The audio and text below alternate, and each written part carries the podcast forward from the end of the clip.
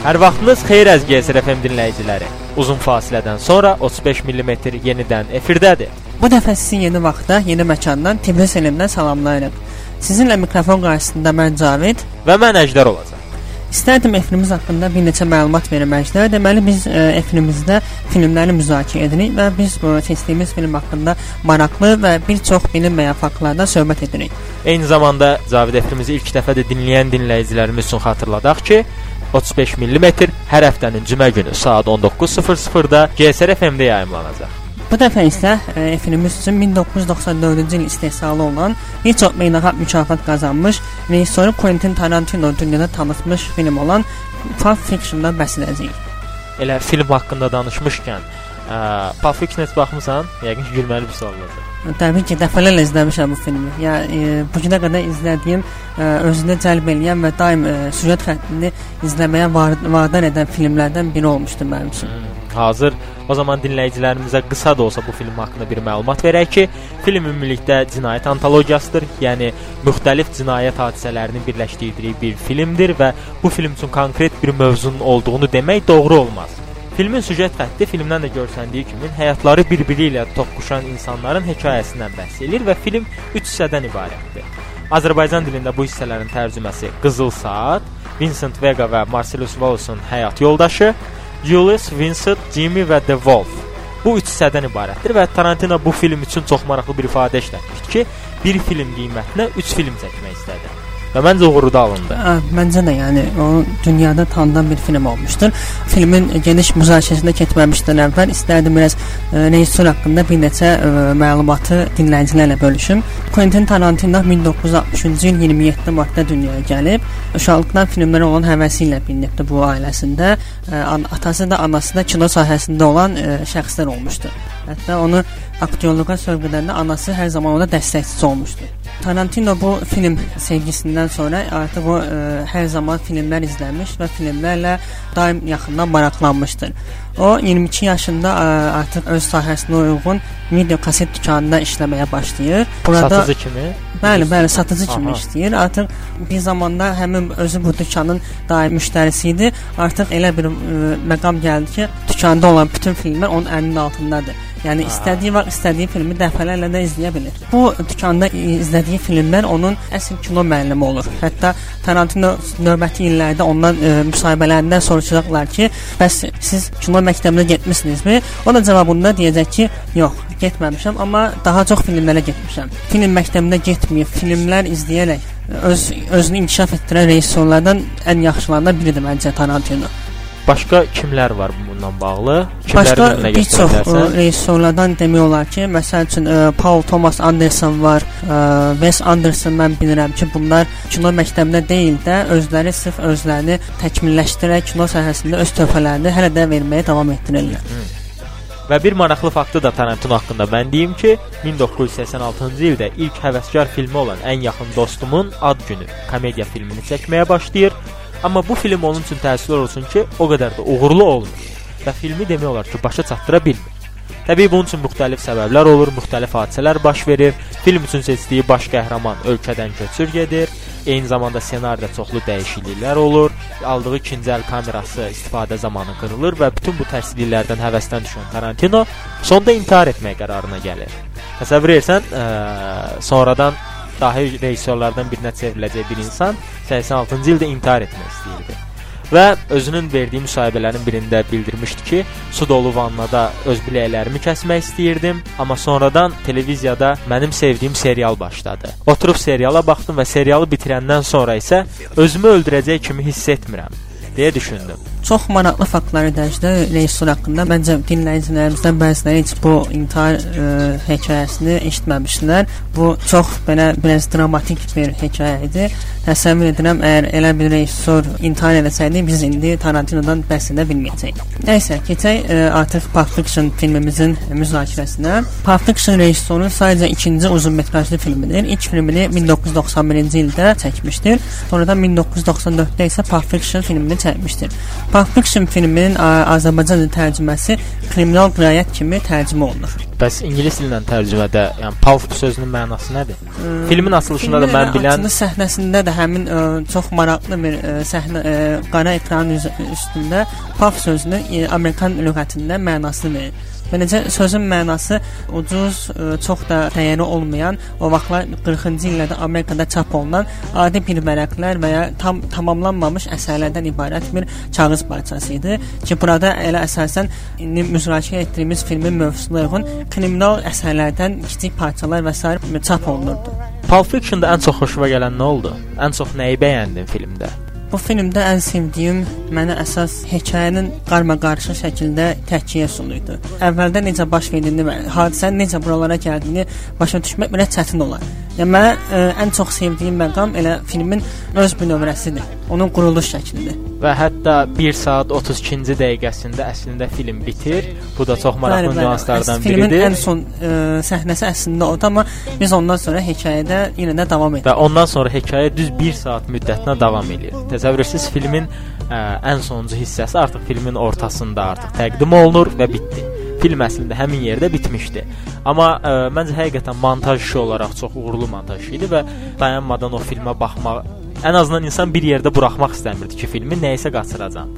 Və açığı ə, e, Pulp Fiction-da mənim ən çox ə, e, bəyəndiyim, ən çox sevdiyim məsələ Tarantino'nun bir növ detalcılığı, xırdaçılığı idi. Detallara nümunə olaraq burada silahları göstərmək olar. Cinayət filmi olduğuna görə əslində biz burada kifayət qədər çoxlu silah görürük. Məncə və... bu kifayət qədər normal bir şeydir. Bəli, amma normal olmayan həmin silahların təəssüf olsun ki, öz bir növ öhdəliyinə düşən işi yerinə yetirə bilməməkləridir. Və bura misal kimi göstərə bilərik ki, yaxından atəş açılmasına baxmayaraq nə Julius, nə də ki Vincent heç bir xəsarət almır. Eyni zamanda Vincent təsadüfən avtomobilin arxasında oturan Marvini silahla vurur. Boksyor Butch onu öldürməyə gələn Vincentin silahı ilə onu öldürür. Və filmin sonunda isə Julius öz silahı ilə atəş açmadan kafedə yarana biləcək şiddətin qarşısını alır. Ə, hansı ki kafedə də silah çəkilmişdi, amma silahda heç cür istifadə olunmur. Və bütün bu detalcılıq, ə, yəni demək olar ki, filmdə istifadə olunan bütün silahların bir hər birində özünü büruzə verirdi. Məncə bu ə, həmin bu hadisələr filmi bir ə, kəsin cinayət filmindən qara yumora çevirəcək bir üsullardan da biridir deyə bilərik. Çünki adamlar ə, öldürməyə gəlirlər və yaxud onları öldürməyə gəlirlər və heç kim ya istənilən sən dediyin kimi nəticə vermir də silahlar. Əgər icazə ver mən sual verim. Bəs sənin filmdə ən çox sevdiyin məqam mı deyim, yo ssenaridə mi deyim, hekayədə ən çox sevdiyin nə oldu? Mənim daha çox Vincent Vega ilə bağlı ə, e, hissələr daha çox xoşuma gəlir və burada onlardan ikisi xüsusilə yadımdadır və onlardan istəyirəm danışım. İlk növbədə narkotik maddə almaq üçün öz dostunun yanına yaxınlaşan Vincent Vega ə, e, əvvəlcə başlayır öz maşınını cızılmışdı və o maşının cızanlardan şikayət eləməyə, qanunun hara baxdığından, polislərin, hökumətin ə, e, kifayət qədər yaxşı sistem qurmamağından danışır və qanunun olmağını istəyir. Eyni zamanda üzərindən heç 15-20 saniyə keçməmiş artıq narkotik maddə alaraq ondan ondan istifadə eləməyə başlayır. Belə bir ironik ə, e, səhnə var idi və bu kifayət qədər yadımda qalmışdı və mənim üçün kulminasiya olan, məncə film üçün də bu kulminasiya səhnəsidir. İlk dəfə baxanda mən bunu açığı gözləmirdim. Vincent Vega-nın öldürülməsi. Həqiqətən o səhnəni mən Vincent elə bitəcəyini Vega, gözləmirdim. Vincent Vega bu filmdə çox ə, e, demək olar hər hekayədə onun rolu keçir. Ətrafında dönən hadisələrə baxmayaraq o ə, e, biraz ə, məncə daha ə, xüsusi rollardan biridir. Belə ki, sən dediyin ölüm səhnəsi mənə Vincent Vegan ölümü də fərqli cürə yozumlanır. Yəni ə, biz səhnənin ilk səhnələrdə Jules-la Vincentin o həmin o sirli çantanı almağa gəldikləri məkanda ə, onların başına bir iş gəlir. Orada həmin otaqda 3 nəfərdən əlavə sən demə o birisi otaqda bir dənə gözləyən başqa bir adam da var imiş. O sonradan ə, otaqdan çıxır və bunların ə, sən dediyin yaxında olan atəşə ə, həmin o oğlan açır və nə Julius nə Vincent burada xəsarət almırlar. Bu hadisədən sonra Julius çox təsirlənir və ə, bunun bir ilahi müdaxilə olduğunu deyir. Yəni o ə, belə izah edir ki, bu hadisədə Tanrı cənnətdən aşağı enir və həmin o güllələrin qarşısını alır. Bu Julius dini cəhətdən inanır, amma ə, Vincent bunu ə, elə böyük böyük bir şey kimi qəbul edəmir, sadəcə bunun bir şans olduğunu deyir. Ona ə, həmin səhnədə isə Julius artıq qərar verir ki, mən artıq bu işləri buraxıram. Bu məncə bu artıq bizim üçün bir ikinci şans verilməsi deməkdir ki, ə, mən məncə biz bu işləri buraxaq və artıq ə, normal həyatlarımıza davam edək. Burada ə, həmin Julius'un ölümündə bu səhnə ilə əlaqələndirilir ki, ə, Julius'a qulaq asmır və o öz yoluna davam edir. Sonradan Vincent'in qəribə şəkildə sən demiş ə, öz silahı ilə öldürülməsi o cür yozumlanır ki, o artıq ə, bayaqki səhnədə Tanrının sözünə qulaq asmadığı üçün sonradan cəzalandırılır. Əslində çox maraqlı, yəni detallı işlənilibdir. Çünki Julius da bildiyimiz qədərilə ondan sonra da heç kəsi öldürmür və artıq heç, o, ondan sonra da film bitir və filmdə olan maraqlı məqamlardan biri də tənqidçilərin tualet lənəti adını qoyduğu bir ə, səhnədir. Və bu səhnədə elə birbaşa Vincent Vegan özünə bağlıdır. Və demək olar ki, bəli, birbaşa olaraq Vincent Vega hər dəfə tualetə istifadə edən zaman mütləq hansısa bir hadisə baş verirdi və bunu ilk başdan başlayaraq görmək olar ki, William Wallace-ın arvadı Maya Wallace yüksək dozda narkotik qəbul eləyəndə Vincent Vega tualetdə idi. En ə, onun ardınca eyni zamanda birinci səhnədə həmin oğruların olduğu kafe ə, səhər yeməyi yedikləri restoranda da həmin oğruların artıq ə, işə başladığı anda Vincent orada değildi və həmin ə, tualet və hətta onun özünün ölümü zamanı belə Vincent Vega tualetdə idi və oradan çıxan zaman öldürüldü. Məncə bu çox yaxşı ssenari kələyi idi və çox incə düşünülübdü. Tarantino bu baxımdan təbrik etmək olar ki, ssenaridə belə gözəl oyunlar oynayır. Tarantinonun məncə bu filmlərdə bu qədər detallı yanaşması, hər, hər bölməsinə incəliklərdən bir ə, müəmmalar yerləşdirilməsi üçün məncə onun kifayət qədər vaxtı olur. Məsəl üçün bu il bir film gördük, onun ə, təzə filmini gördük, İğrənc 8-i. Mən əminəm ki, o filmdə onun üçün bir ə, ən azı 3-4 il bundan əvvəl fikirləşdiyi bir ideyanın üstündə qurulur. Yəni o filmlərini hazır hala gətirənə qədər ən azı məncə 3, 4, 5 il ə, vaxt keçirsə, onun üstündə daha da təkmilləşdirsin, istədiyi kimi bir hekayəni ortaya çıxartsın. Elə bunun kimi bir faktı da biz ə, həmin bu Pulp Fiction filmində görürük. Orada e, yadıma gəlirsə, e, Jack Rabbit Slim restoranında e, Vincent Vega ilə Mia Wallace-ın e, yemək yedikləri yerdə e, biz e, qəhrəmanlarımız biri-birinə söhbət edəndə aydın olur ki, Wallace bir dənə e, serialın e, necə deyirlər, e, 0-cı e, bölümündə oynayır. Yəni bu pilot bölüm. Pilot bölümü deyilir ona. Yəni e, bu efirə təsdiqlənməsi üçün hazırlanan bir bölümdür. Vincent Mia'dan e, serialın mövzusunu soruşur, mövzusunu və onun rolunu soruşur. Mia da qısaca e, filmin mövzusunu beləsinə izah edir. Filmdə bir sarışın var idi, o lider idi. Yapan olan kung fu ustası idi, zənci olan bomba mütəxəssisi idi. Mənim obrazım isə bıçaq istifadə edən dünyadakı ən ölümcül qadın idi. Bu sözlərdən sonra ə, artıq biz 9 il sonra Tarantino'nun çıxartdığı Kill Bill, yəni Billi öldürmək filmində eyni bu Mia'nın Pulp Fiction-da dediyi obrazların hamısını görürük. Yəni bu yenə də ə, bu izah edir ki, Tarantino necə də çox düşünən və bir filmi üzrə illərdir işləyən bir rejissor olduğunu sübut eləmiş olur. Mənim fikrimi soruşsan, gələcəklə yanaşı, eyni zamanda keçmişdə hazırladığı ə, filmlərdən də maraqlı nüanslardan istifadə edib ki, hətta xatırlayırsan, Vincent gilə xidmət edən ofisiant, hansı ki, sən ilk dəfə onlar restorana daxil olanda aktyor Steve Buscemi canlandırmışdı və həmin aktyor isə rejissorun ilk filmi olan Reservoir Dogs-da ofisiantlara bəxşiş verilməsinə qarşı çıxan obraz idi. Hətta orada özünün e, böyük bir fəlsəfəsi yaratmışdı. Deyirdi ki, özünü belə müdafiə edirdi ki, bu onların öz işidir.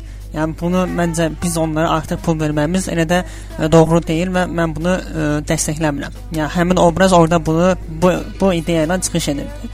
Amma biz burada artıq onun necə deyirlər ə, ironik bir çevrilməyini görürük. Artıq bu filmdə isə həmin həmin aktyor bir ofisiant olaraq artıq rol, rolda oynayır. Rezervoir Dogs-da da həmin aktyor əslində sağ qalmışdı və Bəli, o orada tək sağ qalan, tək sağ qalanlardan biri olmuş. Və o sağ qalan öz fəaliyyətini artıq bu istiqamətdə davam etdirmişdi. Kimin bəlkə həmin elə obrazı gəlib burada adını dəyişdirib bu cür ə, fəaliyyət göstərir. Yəni, Bəlkə bilə. də. Amma təkcə bununla bitmir. Eyni zamanda məkana ilk girəndə Vincent oyuncaq maşınları görür. Diqqətlə ə, diqqətli bir Tarantino izləyicisi ə, bu ə, üçün bu sıradan bir səhnə deyil. Ə, buradakı maşınlar mavi, ağ, çəhrayı, narıncı, sarı və qəhvərəngidir Bunlar isə Tarantinonun ilk filmi olan Reservoir Dogs-dakı qəhrəmanlarının ləqəbləridir. Tarantino özünün bu vasitə ilə incə detalları işlədiyini əslində bir növ göstərir və bunu kino tənqidçilər də təsdiqləyirlər ki, ə, burada xüsusilə belə bir nüans vardır və ə, kinonun əsas can hissəsi, mənim fikrimcə əsas obrazlardan, bir növ personajlardan biri çanta. Çanta, hə. Bəli, Çanta o artıq o böyük- sehirli çanta. Ə, Bu indi saydığımız obrazlardan artıq biri kimi olmuşdur. Yəni indiyə qədər hələ məlum deyil ki, görəsən o çantanın içində nə var. Amma o çantanın içində nə olduğu ilə bağlı fərziyyələr saysız sonsuzdur. Hətta e, bir ikisini biz deyə dinləyicilərimizə fərziyyələrdən biri olaraq bildirə bilərik ki, çantanın içində nə olduğu e, hələ də məlum olmasa da, ən böyük ehtimal içində Marcelusun ruhu olmağı ilə bağlı idi. Əfsanəyə görə şeytan kimisə ruhunu satın alsa, ruhu onun boynundan çəkir. Və bu yerdə diqqət eləməli olduğumuz məqam Marcelusun boynunun bantla bağlanmış yarasıdır. Eyni zamanda çantanın şifrəsinin 666 olması da bu ehtimalı gücləndirir və ona əsas verir. Amma buna baxmayaraq Tarantino öz müsahibələrinin birində bu ə, nüansı inkar etmişdi və bildirmiş ki, sadəcə olaraq aktyor ə, çəkiliş zamanı zədələnmişdi, amma ə, bant onun xoşuna gəldiyi üçün ə, film boyda qalmağına razı olubdu. Tarantino estetik cəhətdən hər şeyə məncə önəm verən rejissorlardan biridir. Yəni onun üçün nəsə normalda pis bir şey olsa da o həmin dəqiqə onu ə, yaxşı bir şeymiş kimi göstərməyə məncə bacaran rejissorlardan biridir. Və məncə kifayət qədər də uğurlu aldı. Məncə də yəni yaxşı. Və aldı. digər bir ə, nüans barədə, Mən ə, çantanın bundan nüansı əvvəl, barədə. ə, amma ondan əvvəl istərdim ə, Marcelusun çantada onun ruhunun olmasını ə, olmasını inkar edən başqa bir detalı deyim ki, ə, burada ə, həmin o çantanı götürməyə gələndə çantanı oğurlayanlardan ə, qisas almaq üçün gəlirlər ora Julius Vincent və həmin o ə, oğlanı öldürəndə orada bilmirəm fikir verdin ya yox, səhnədən səhnəyə keçəndə ortada bir işıq var idi sanki, qırmızı bir işıq yanıb sönürdü. O da ə, tənqidçilərə belə bir ehtimal verir ki, burada da həmin adamı öldürəndə onun ruhu oradan çıxır. Amma biz ə, nə başqalarının ölümünü, ölümündə, ölüm səhnəsində isə bu həmin işığı görmürük. Başqalarında artıq bunu görmürük və bu da həmin ehtimalı aradan qaldıran bir şeydir. Bu sadəcə və Vincent arasında olan kamera keçidlərini fərqli bir vizuallıq vermək üçün istifadə olunan montaj montaj oyunu bir Hə. növ. Və başı bəlalı çantanın eyni zamanda hətta fərziyyələrdən birinə görə Reservoir Dogs-da, yəni Tarantinonun ilk filmi olan Reservoir Dogs-la da birbaşa əlaqəsi var və hansı ki həmin filmdə itən çanta olduğu ehtimal olunur. Çünki Reservoir Dogs-a baxmısansa bilirsən ki, orada çanta sonda itir və bilinmir hardadır.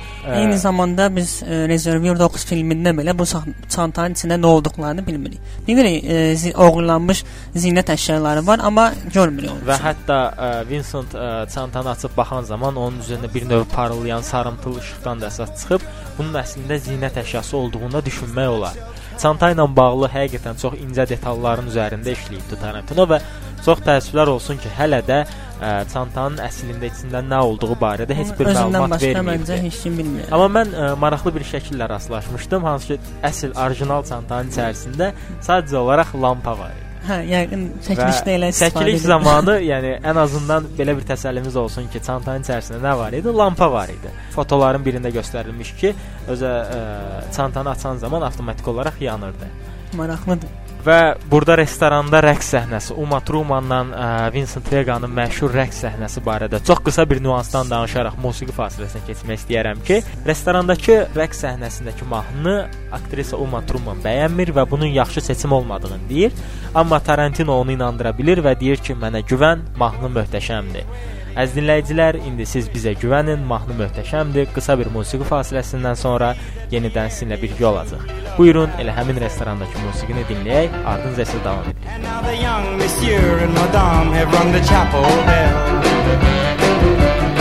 C'est la vie, say the old folks. It goes to show you never can tell. They furnished off an apartment with a two-room robot sale. The coolerator was crammed with TV dinners and ginger ale. But when Pierre found work, the little money coming worked out well. C'est la vie, say the old folks. Goes to show you never can tell.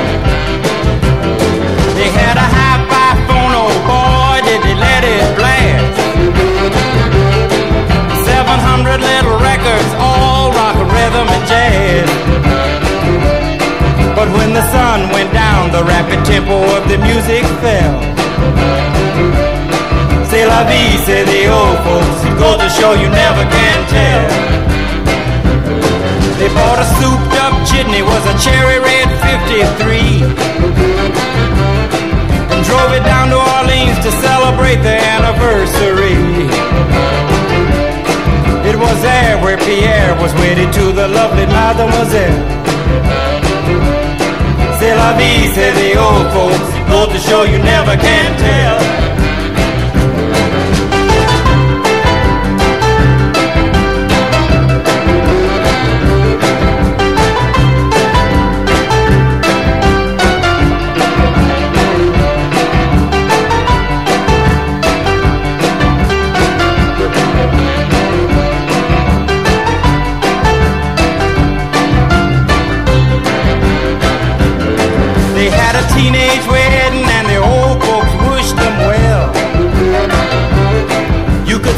That Pierre did truly love the mademoiselle.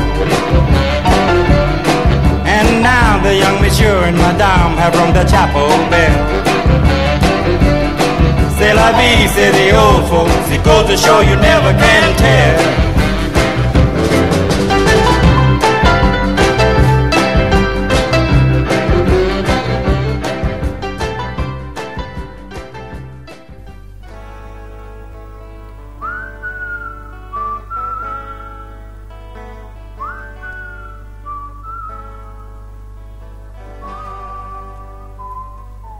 Və musiqi fasiləsindən qayıtdıq. Ə, sizinlə 35 mm efirində Cavid Mehdiyev və mən Əjdər Hüseynovam. Bu da bu dəfə e, efirimizdə Pulp Fiction filmini müzakirə edirik. Pulp Fiction 1994-cü ildə rejissor Quentin Tarantino tərəfindən həm e, ssenarisi yazılmış, həm də çəkilmişdir. Elə musiqi fasiləsindən əvvəl Uma Thurmandan danışmışsam, bunu başqa bir e, faktda e, istədim dinləyicilərimizə çatdıram. E, belə ki, e, Uma Thurman e, təkcə həmin o səhnədəki musiqini deyil də, əslində filmə çəkilməyi belə imtina etmişdi. Əslində ən yaxşı köməkçi qadın obraz. Bəli, ə, e, Oscarda nominasiyasına namizəd olmuşdu. namizəd olmuşdu, amma təəssüf yenə ki buna nail olmamışdı. O dediyim kimi filmə çəkilməyə razı olmur, amma Tarantino ə, e, sırf həmin aktrisanı istədiyi üçün ona ə, e, birbaşa öz telefonuna zəng edir və bütün ə, ssenarini başdan ayağa telefonda ona danışır və onu filmə çəkilməyə razı salır. Yəni bu rejissorun filmi üçün, yəni öz istədiyi aktrisanı filmində görməsi üçün elədiyi məncə böyük ə, bir nailiyyətdir və kifayət qədər də əslində uğurlu alınıbdı film Umma Trumanla bir yerdə və ə, Umma Trumanın ə, elə hazır Umma Trumanla danışmışkən elə bunu davam da edək. Adrenalin səhnəsi, məşhur adrenalin səhnəsi. Xatırlayırsan? Hansı ki orada Vincent Vega, yəni John Travolta Uma Thurmanı, yəni William Wallace-un həyat yoldaşı Mayanı diriltmək üçün ona adrenalin vurmalıdır. Hə, və o, o səhnə həqiqətən həm ə, izləyici üçün həm ə, orada filmdəki səhnədəki ə, obrazlar üçün də çox stressli bir səhnə idi. Yəni izləyici olaraq mən də izləyəndə bilmirdim ki, nə olacaq. O ona onun başına bir iş gəlsə, Vincent-ə nə olacaq? O olmasa necə olacaq? Belə ə, elə nəticələnməmiş sualları ortaya çıxan bir səhnə idi. Və səhnənin özünün çəkiliş prosesi də kifayət qədər ağır keçibdi və ə, hətta maraqlı nüanslardan biri Tarantino film çəkiləndən artıq bir müddət sonra müsahibələrin birində bildirmiş ki, həmin səhnə geriyə çəkilibdi. Yəni burada bir ə, çəkiliş texnikasının bir növ bəli, çəkilişlə bir növ montaj oyunu oynayıbdı həm də və ə, artıq orada Vincent Vega iynəni batırmır. Əksinə iynəni geri çıxardır. Və buna görə də həmin səhnənin də beləncə olmağın səbəbi isə ə, bir növ həm güclə çıxartmaq, yəni əslində geriyə oynadanda o iynəni güclə batırırmış kimi göstərir və səhnənin bir növ təsirliyini də çoxaltmaq üçün idi və kifayət qədər yaxşı montaj oyunu idi. Hətta ən azından 1994-cü il üçün bu kifayət qədər əla idi. Ə, nəzərə alaq ki, artıq üzərindən filmin 22 il keçibdi. 22 il. Məncə də burada aktyorların həmin o iynə ə, e, vurulma səhnəsində həqiqi olaraq ə, e, sancılma ə, e, hərəkətini eləməyi onlar üçün mürəkkəb çətin olardı və məncə də ə, həmin səhnənin geriyə doğru çəkilməsi uğurlu anıbdı. Həm də aktyorları biraz da rahatlada bilər bu həmin bu səhnəni belə çəkilməyi. Həmin o səhnə ilə bağlı istədim başqa bir e, fakta deyməkdən. E, belə ki, bildiyimiz kimi Quentin Tarantino'nun özü də bu filmdə rol alıb. Ümumiyyətlə e, Tarantino'nun özünə məxsus bir e, xüsusiyyəti var ki, öz e, filmlərində hər zaman çalışır ki, özünə də bir rol yazsın.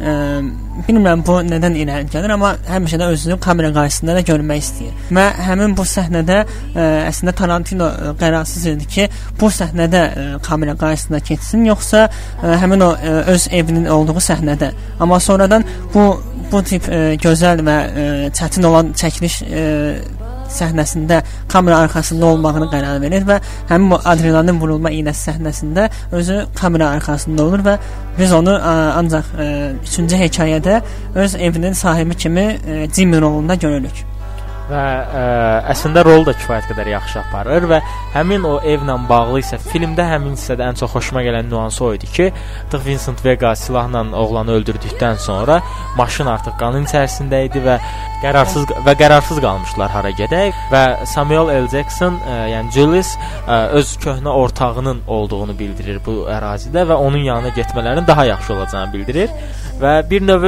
filmdə ə, öz həyat yoldaşından qorxan və o gəlsə hər işin bitəcəyindən Filmin- qorxan bir obraz yaradır Tarantino və kifayət qədər uğurlu olur.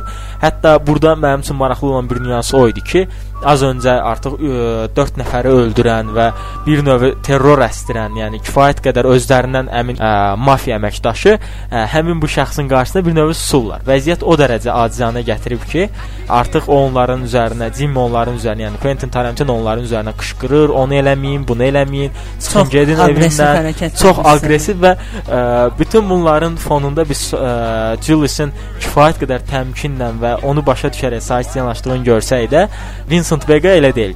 O bir növ bu sözləri götürə bilmir. Bu həm də onun filmdə yaratdığı obrazla bağlıdır ki, kifayət qədər təkəbbürlü, özündən razı və əmrləri qəbul etməyən bir obraz yaratmışdı və burada hətta biz Wolf-u misal göstərə bilərik. Tam belə Wolf isə ə, Julius'in kömək üçün çağırdığı, Julius'in ə, kömək istədiyi və ona yollanan kömək idi. Hansı ki birdən daxil oldu səhnəyə, gəldi, hər şeyi düzəltdi və çıxdı getdi. və həmin o obraz özünü təqdim edəndə də belə deyir. Mən adım Wolfdur. Mən problemləri həll edirəm. və qısa konkret olaraq gəldi, ə, əmrlərini, tapşırıqlarını verdi. Tapşırdı ki, bunlar bunlar görülməlidir. Həmin səhnədə belə Vincent Vega-nın bir etirazı, vəziyyət onu ə, vəziyyətdən çıxartmağına baxmayaraq belə yenə də bir təkəbbürü var ki, niyə eləməliyəm? Heç olmasa zəhmət olmasa denən. Və bundan sonra da artıq Wolf öz işini görməyə başlayır. Onlara kömək, düzəltməyə yolun göstərir hər şeyi və ən maraqlı hissələrdən biri isə onun bir növ Jimmy ilə dil tapmağıdır.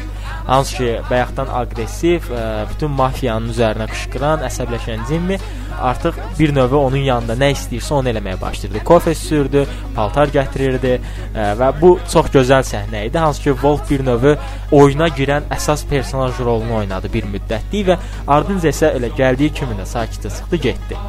Və bunun ardınca aktyorlarımız davam etməyə başladılar. Ondan əvvəl bu səhnə ilə bağlı başqa ə, öz fikirlərimi demək istəyirəm ki, burada sən bayaq ə, çox çox düzgün vurğuladın ki, ə, biraz əvvəl cinayət eləmələrinə baxmayaraq bir ə, evə gələcək olan ə, Jimmy-nin arvadından qorxaraq və tez əlaqə düşürlər və hər şeyi tez bir sürətlə həll etməyə çalışırlar. Yəni ortada bir cəsəd var və o cəsəd ə, mütləq şəkildə ortadan qaldırılmalıdır və bunun üçün hətta Marcellus Wallace də öz ən belə güclü adamlarından birini gözləyir. Həmin ki o ə, Wolf dediyimiz. Da Julius telefonda onu eşidəndə sevincdən ə, gözləri parıldayır və çox xoşbəxt olur. Wolf-u göndərirsən, nə gözəl. Yəni bundan başqa heç nə istəmirmişlər.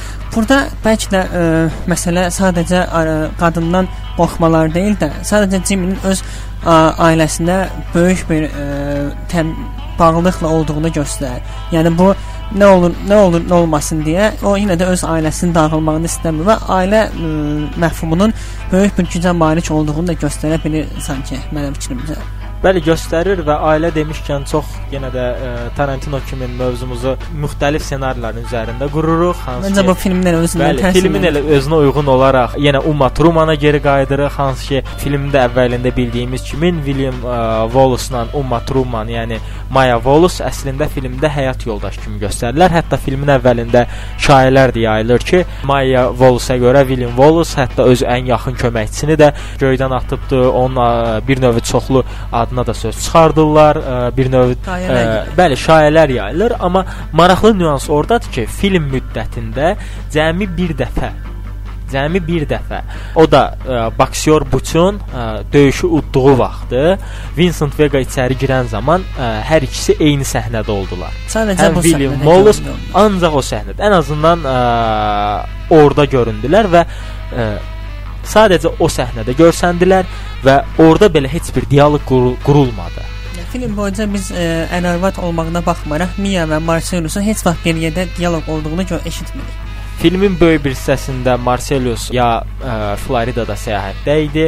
Vincent Vega'ya tapşırıb getmişdi həyat yoldaşını və yaxud da ki ə, Uma Thurmanı görmürdük və bu da əslində çox maraqlı bir ə, digər bir ailə ə, mövhumudur filmdə göstərilir. Və amma film boyu yayılan şayiələrdən görsənir ki, ə, William Wallace kifayət qədər öz həyat yoldaşını sevən, onu hər kəsdən qısqanan, əslində ondan ötürü ə, hər şey edə biləcək biridir. Həmin bu indi Mia və Marcelusdan danışırıq. Filmin bir digər ə, əsas obrazlarından biri isə boksyor Buçdur. Buç, ə, Buçun bu hekayədəki ə, rolu həmin ə, Marcelus ona pul təklif edərək onu satın alır və ə, təşkil olunacaq döyüşdə 5-ci raundda uduzması üçün ona pul verir. Və ə, Buç burada onunla razılaşır və ə, pulunu alır və ə, ona dediyi kimi 5-ci raundda ə, uduzacaqdır. Amma nəsə e, işlər düz getmir. Döyüş vaxtı Burç elə demək olar birinci raundda rəqibini yerə salır. Hətta e, radioda verilən xəbərlərə görə, deyilənə görə o e, rəqibini öldürür döyüş nəticəsində. Amma özünün bundan çox sonradan xəbər olur. E, Burçun bu hekayədəki e, əsas e, önə çıxaran bir şeylər ünsürlərdən biri onun atasından hətta böyük böyük böyük babasından ona miras qalan qızıl saatıdır. Həmin həmin saat ki, ə, həmin o böyük babası ona bunu ə, öz ə, oğullarına Birinci Dünya üçün- müharibəsindən etibarən atadan oğula keçən o həmin qızıl saat. O saatla bağlı bir dənə ə, özümün şəxsi maraqlı bir dənə mülahizəm var ki, ə, o saat bədbəxtlik gətirir. Ə, çünki onun babasından etibarən hər bir kəs müharibədə ölübdür və Buçun özünə də özünə olması da birbaşa olaraq ətrafındakına ən azından saata görə filmin son səhnəsində ən sonuncu səhnə birbaşa olaraq qızıl saatla bağlıdır və qızıl saatı evdə qoyan Buçun sevgilisi bu ə, bütün artıq və döyüşü sonuncu udur. səhnə və ə, sonuncu səhnədə birbaşa olaraq bu qızıl saatla bağlıdır. Ə, və burada bir dənə maraqlı nüans göstərmək olar ki, qızıl saatı geri götürmək üçün evinə qayıdan Buç ə, orada Vincent Veganı öldürür. Və bir növ mənim fikrimcə artıq bu saatın özü ə, bir növ ölüm gətirir. Çünki onun atası da ölmüşdü, onun babası da ölmüşdü, onun ulu babası da ölmüşdü və belə-belə bu saat artıq buça qədər gəldi və ə, artıq bu dəfə bu saat buçu öldürə bilmədi. Əvəzində bir başqasını öldürdü və ə, bu saatın da orada əsas filmdə ə, Amma yenə buna baxmayaraq bu saata görə kilməsi öldü. Burç artıq saatı ə, həmin bu ə, gözlənilən Vincenti öz evində gözləmirdi və onu ə, istəməyərək də olsa sadəcə xilas xilas olmaq üçün onu öldürdü. Artıq sonra yolda ə, artıq ə, sevgilisinin yanına qayıdanda həmin bu ə, aldatdığı ə, Marcelusu yolda görür və o çox mənə maraqlı bir an idi ki, ikisi də bir-birini fərqinə varırlar və Burç aradan çıxmaq üçün maşınla onun üst, ə, onu ə, vuraraq artıq qəza törədirlər. Sonradan ə, Marcellus onu izləyir və bir-birləri arasında münaqişə başlayır. Sonradan bir-birlərinə qaçmaq üçün bir köhnə antikvar ə, məhsullar satılan bir mağazaya girəndə artıq sonradan həmin mağazanın sahibi onları girov götürür və sonra ə, onların başını orada ə, döyürlər. Marcellus təcavüzə uğrayır və amma Buç yenə də çıxıb getmir. Həmin vəziyyətdə o da Marcellusdan məncə eyni şeyi gözl gözləyərdi. Ona görə bəlkə də burada ə, biraz empatiya deyə bilərik ki, özünü onun yerinə qoydu və ona kömək eləmək hissi oyandı özündə. Və ə, onun ardınca da gəlib Buçu da xilas etdi. E, Daha doğrusu Marcellusu xilas etdi və aralarında bir sövdə bağlandı. Bir növ əslində filmin son səhnəsi elə bu səhnə idi ki, sövdənin ardınca sövdəyə əsasən ə, qərar verildi ki, Buç ə, bu gün axşama qədər, həmin gün axşama qədər şəhərdən çıxıb gedəcək. Bu olanların heç vaxt heç kəs eşitməyəcək və bir də bu şəhərə geri qayıtmayacaq. Qayıtsa öldürüləcək. Və Buç bununla artıq ürəkdən razılaşır və onun ardınca öz saf sevgilisini götürərək şəhərdən çıxır. Ə, və bununla da film yekunlaşır. Beləcə həmin bu səhnədən sonra Əjdər ə, çox ə, düzgün vurğulayır ki, artıq bu əslində filmin real sonluğu burada bitirdi. Amma biz ə, yenə də yarımçıq qalmış hekayəmizə davam edirik.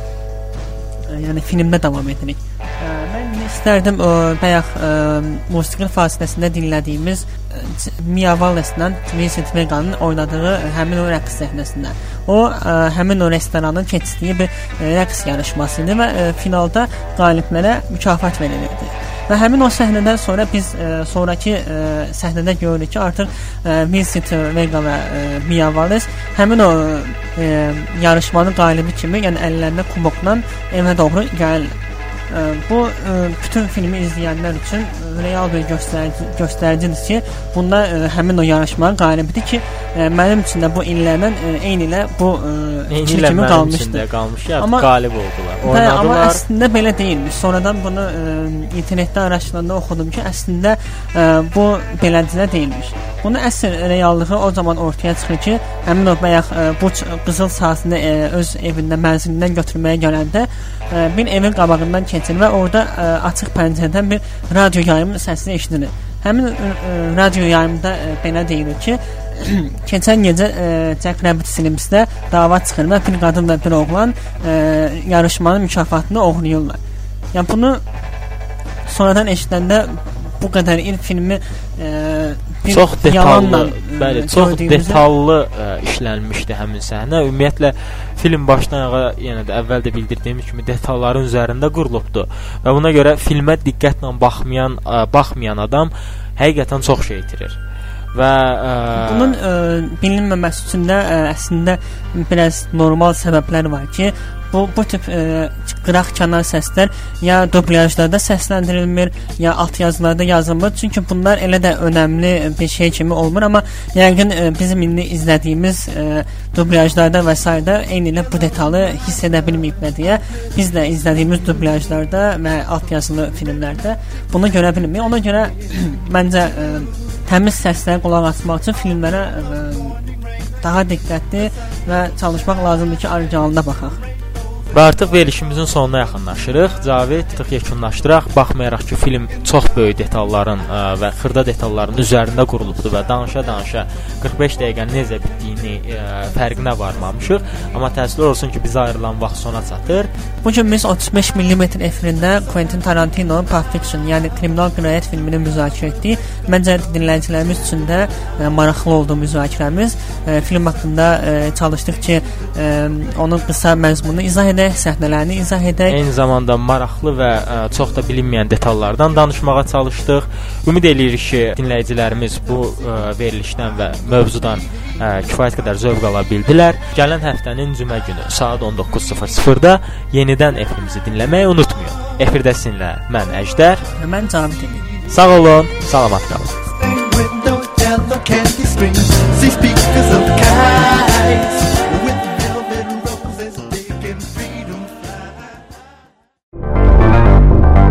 Azərbaycan möhkəm əsaslar üzərində uğurla inkişaf etməyə davam edir. Benim için de bundan böyle Davos bitmiştir. Daha Davos'a gelmem. Мы знаем, как сегодня начинается охота за всеми теми, кто находится на, Майдане.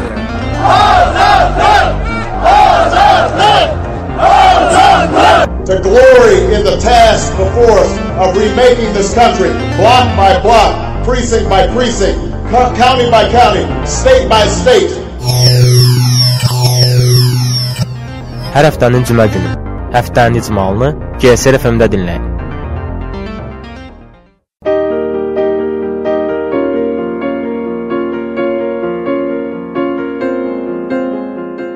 Kitab sərvət, bilgi, mədəniyyət, ən əsası istirahətdir. Hər həftənin şənbə günü kitablardan danışırıq. Radio Kitab